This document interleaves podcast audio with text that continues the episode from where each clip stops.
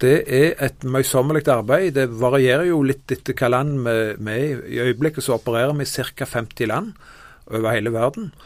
Og um, der uh, har vi team i større eller mindre grad som uh, prøver å kartlegge hvor jødene befinner seg henne, om å oppsøke dem og fortelle dem uh, om de bibelske løftene, og om hva rettigheter de har til å vende hjem til Israel. Du sier bibelske løfter. Det er bakgrunnen her.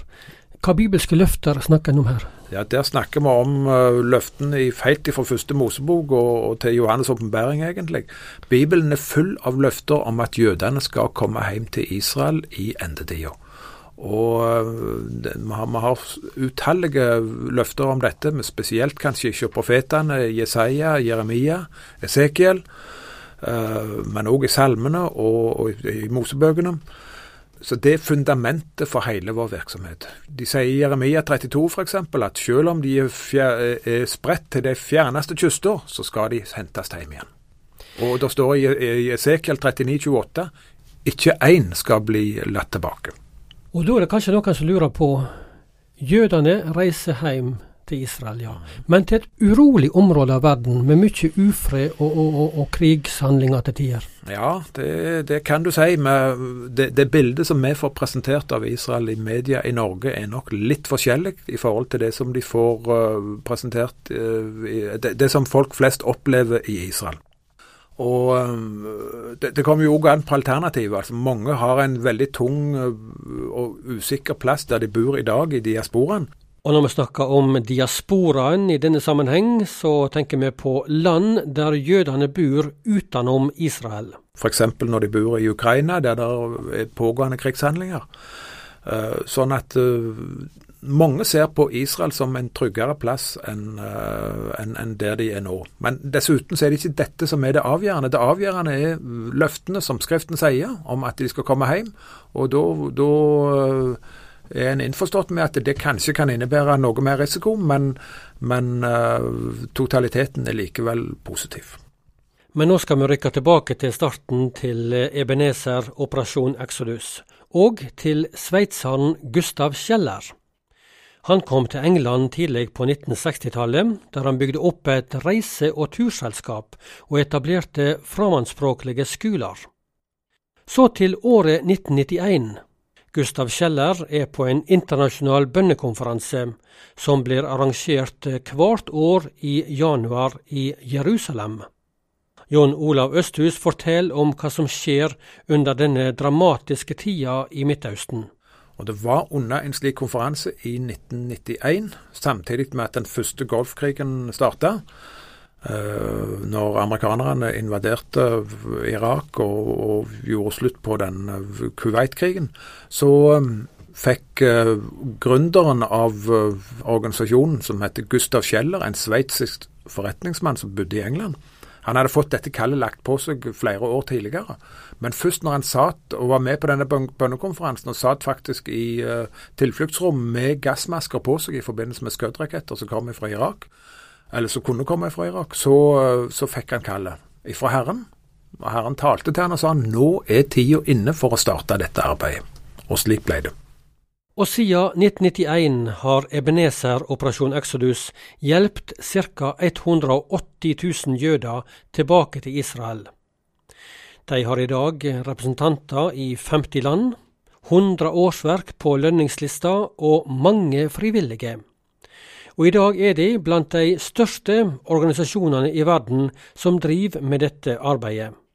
Ved Guds nåde så har arbeidet vokst øh, ganske mye, og, og, vi er veldig ydmyke for, uh, for det kallet som vi har fått. For, for, dette er ikke vårt arbeid. Med, det, Bibelen er veldig klar på at det er Gud som er den, den som utøver arbeidet, men vi får lov til å være små redskaper i hans hånd.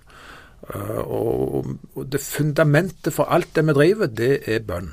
Det med bønn skal vi komme litt tilbake til, men, men det, det praktiske arbeidet, hva gjør dere? Hvordan går dere fram når dere jobber? Ja, Som sagt, det varierer jo fra land til land, avhengig av uh, de ytre omstendighetene. Men det kan tenkes at vi kommer en plass uh, i det vidstrakte Russland f.eks., der vi kanskje har noen kontakter på forhånd. Vi kjører og oppsøker de. Sjekker kanskje opp i telefonkatalogen for å finne ut er det noe jødiske navn her. Så, eller, eller vi benytter kanskje kontaktpersoner som vi har, som kan uh, vise oss hvor jødene bor. For, for det, det er, du, du må rett og slett begynne på et sånt detaljnivå noen plasser. Andre plasser så kan det være folk som kanskje har hørt om oss.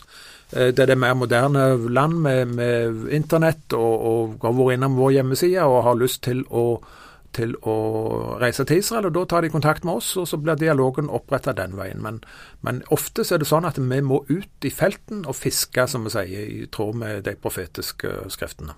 Ja, Går det og banker på døra til familier? Ja, det gjør vi. Vi går og banker på døra en del plasser. Hva sier dere da? Vi forteller dem hvem vi er, og forteller dem at eh, vi forstår at de er jøder. Og vi viser dem til de profetiske løftene og til de rettighetene som de har i henhold til israelsk lov. Som, som, gir dem rett til å vende tilbake til Israel. Det er en lov som kom i 1950 som heter The Law of Return. Og der er definisjonen på jøde at hvis du har én jødisk eh, besteforelder, så har du rett til å vende hjem til Israel. Ebenezer Operasjon Exodus har et nært samarbeid med den store organisasjonen Jewish Agency, som har en lang historie i å fremme jødisk kultur og å hjelpe jøder på ulikt plan. Jewish Agency er viktige, den viktigste offentlige organisasjonen for innvandring til Israel.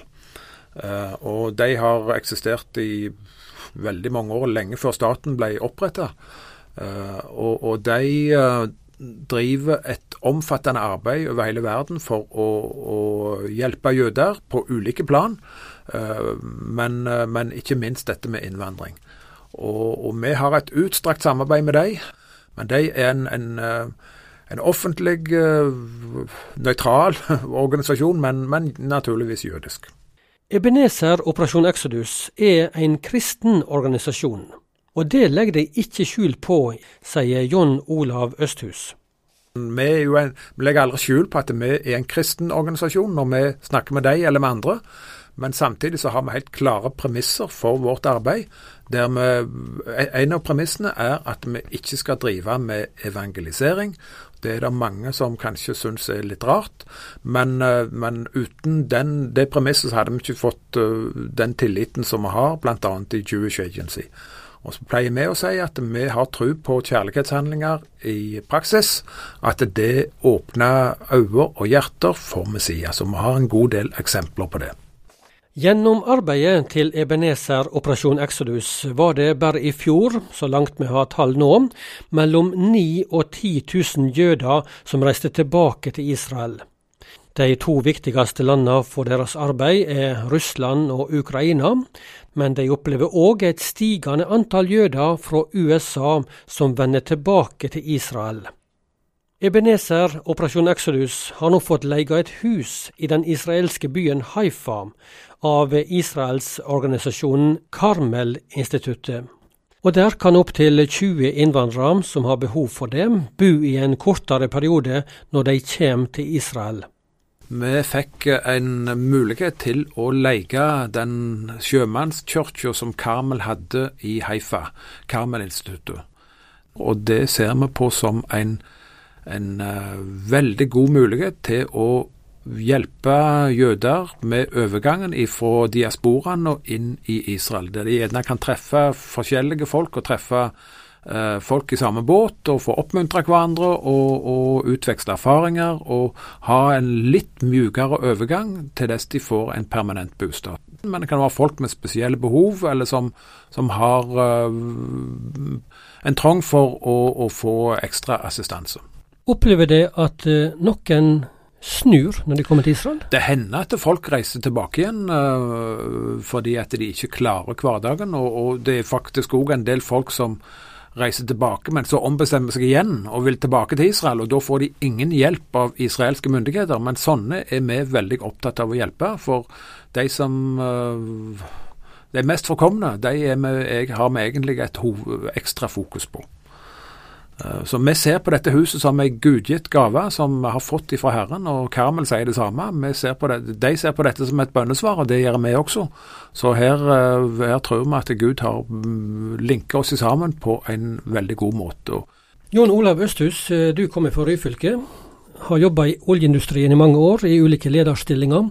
Nå er du pensjonist, men du har òg en del ulikt, ulike oppgaver på deg, så du har vel ikke helt fritidsproblemer, har jeg skjønt?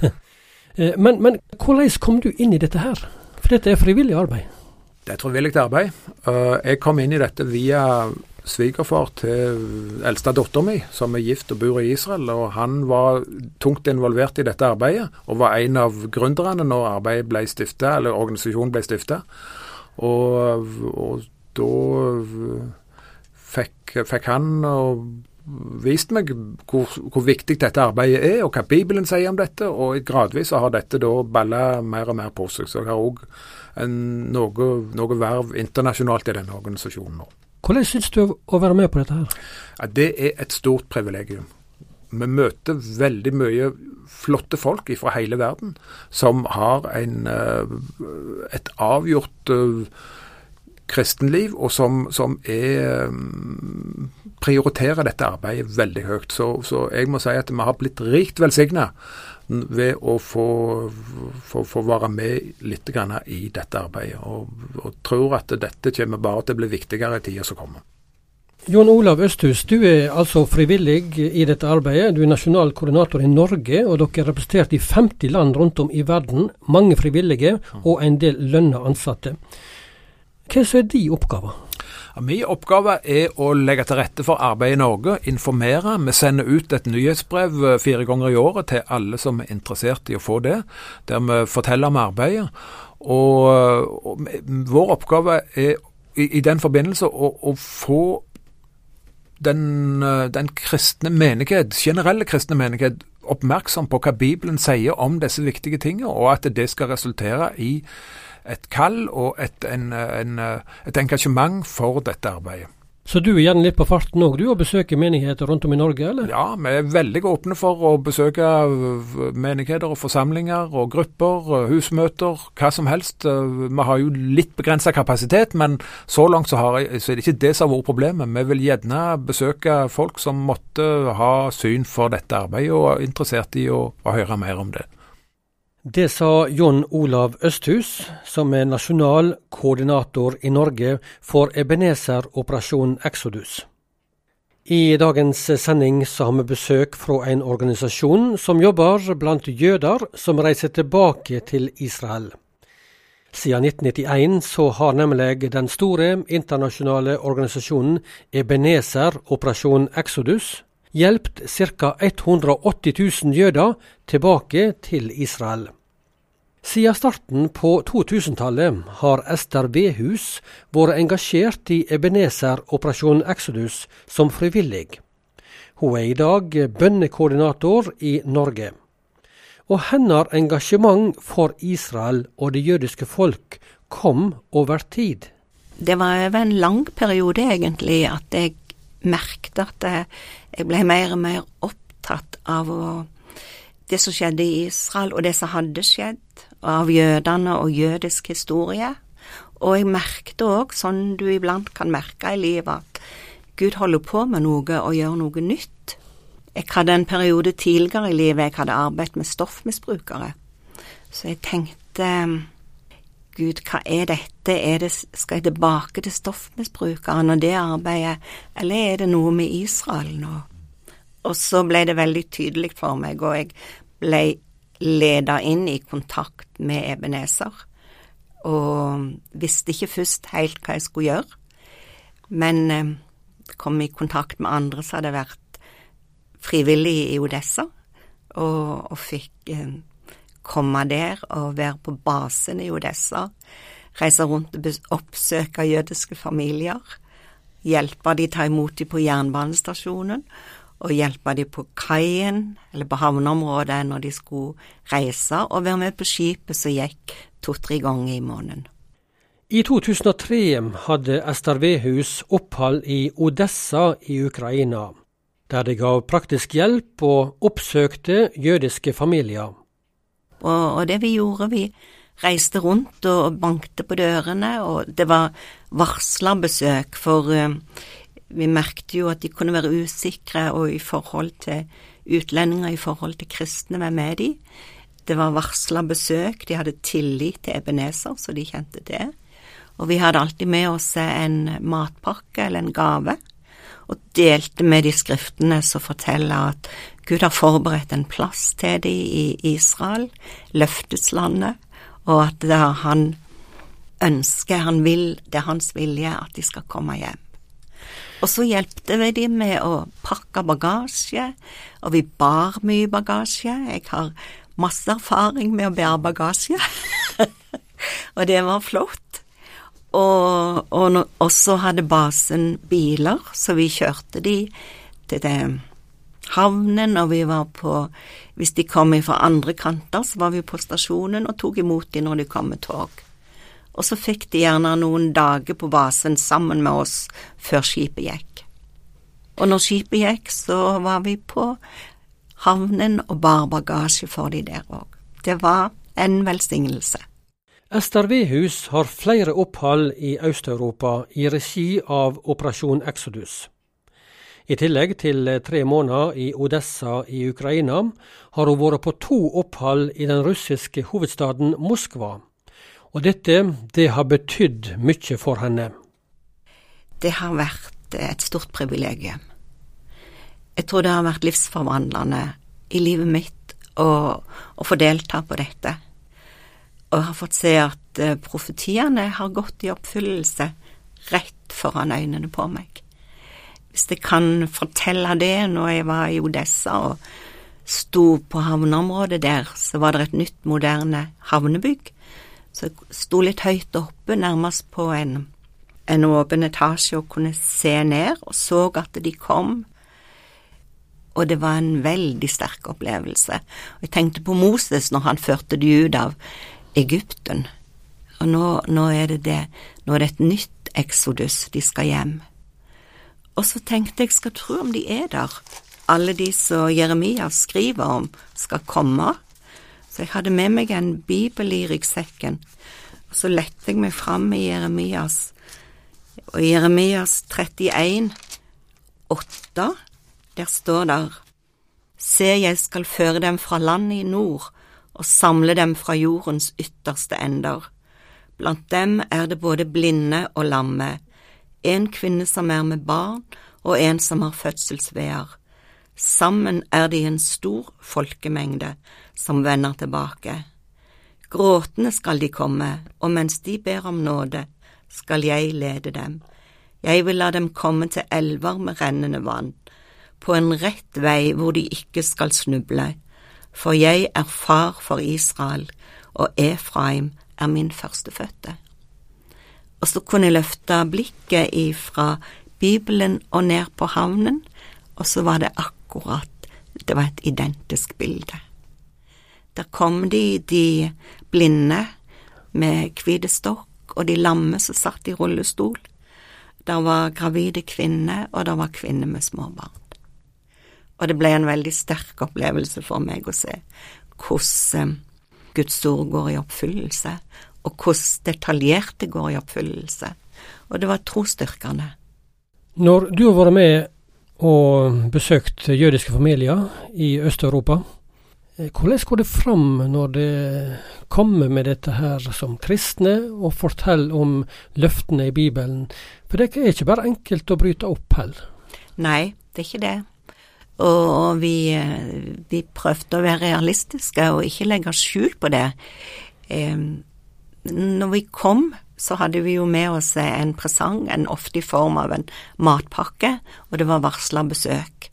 Så var det jo gjerne de første minuttene da som var viktige for samtalen videre, at vi fikk kontakt, og ikke minst at vi fikk tillit.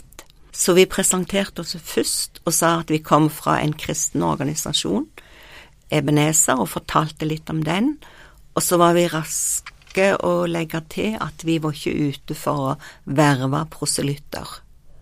For det har de en lang tradisjon på å oppleve, og det har vært Det har skapt mye, misforståelser og mye smerte for jødene i forhold til kristne. Og så snakket vi jo litt grann sånn om dagligdagse ting, og jeg kom fra Norge, de var jo gjerne litt nysgjerrige på det. Og så delte vi skriftene med de, og fortalte de om skriftene, og spurte gjerne om har du noen gang tenkt på å reise til Israel, og veldig mange hadde det. Vi kunne merke på mange at de allerede var forberedt, og de kunne si at uh, blodet mitt det roper etter fedrelandet mitt, etter Israel. Eller de kunne si at i hjertet har jeg alltid forstått at jeg egentlig ikke hører hjemme her. Og så delte vi skriftene med de, for det var viktig at ikke vi pusha de, men at de, dette ble en overbevisning så de tok sjøl. Og så fortalte vi litt om livet i Israel, og hva Ebenezer kunne hjelpe dem med. Og så etterlot vi oss informasjon og telefonnummer, sånn de kunne ringe til kontoret hvis de ønsket mer informasjon, flere besøk, eller hvis de hadde bestemt seg for å reise. For det er jo en stor beslutning å ta. Og da er altså Ebenezer Operasjon Exodus behjelpelige med reise, utgifter og alt dette her? Ja. Papirer som skal ordnes? Ja. For at de skal kunne få, få borgerskap i Israel, Israel skal ta imot dem, så må de, så må de kunne bevise at de er jøder, har jødisk opphav. Og da må de ha originalpapirer på det, originaldokumentasjon. Og mange har jo flytta mye, de har blitt forviste, og det har ikke vært så populært å være jøde, så noen har skjult sin jødiske identitet. Så det å få tak i originaldokumentasjonen, det var mange ganger en veldig stor utfordring. Det var arkivet så, der dokumentasjonen kunne være lagra. Det var ikke alltid så lett å få hjelp der, men det var en annen organisasjon som heter Esra, og de var veldig gode på dette med å finne papirer og dokumenter, så vi samarbeidet med de. Og så ba vi mye. Det er et gjennomgående bønneemne. De må finne papirene sine. Ja. Ester Behus, du er også engasjert i Ebenezer-operasjonen Exodus på frivillig basis. Du er bønnekoordinator eh, her i Norge for dette arbeidet. Eh, si litt om hva det ligger i det. Ja, du um, Organisasjonen ble jo starta på en bønnekonferanse i Jerusalem. Og dette med bønn har vært helt sentralt hele tida seinere. Det er bønn som ligger i, i, grunnen for arbeidet, og det er bønn som omslutter arbeidet. Det er organisert på den måten at det er et bønneteam som leder arbeidet på hovedkontoret i Bournemouth. Og så kommer det inn bønneemner fra forskjellige baser og, og kontorer i hele verden. De kommer inn til Bornmos, og de ordner det og sender det ut til nasjonale bønnekoordinatorer rundt de forskjellige nasjoner. Og så blir det oversatt eh, til det nasjonale språket og distribuert ut til bønnepartnere og bønnegrupper. Så da har du er en del bønnegrupper rundt om i Norge? Det er en del bønnegrupper rundt om i Norge, ja. Og det er òg en god del bønnepartnere som ikke er knytta til grupper. For det, er et vidstrakt land, og det er ikke alltid så godt å, å få til i gruppe. Du, hvorfor er bønn viktig i dette arbeidet deres? Jeg tror at bønn er egentlig viktig i alt kristent arbeid. Det står jo mye om det. Og når det gjelder dette at jødene skal samles i Israel, så merker vi òg at det er motstand mot dette i den åndelige verden. Jesus sa jo til disiplene sine når de var i Jerusalem, han sa i Matteus 23, 39, For jeg sier dere, dere skal ikke se meg før dere sier, Velsignet være Han som kommer i Herrens navn. Så det at eh, jødene er tilbake i landet, det er òg knytta til Jesus sin gjenkomst. Og motstanderen vår, Satan, han vet jo at når Jesus kommer tilbake, så er hans dager talte. Og, og det kan virke som at han setter inn på å hindre at jødene kommer tilbake, og gjør sitt for å forlenge si tid. Så vi merker at uh, her, er det, her er det viktig å be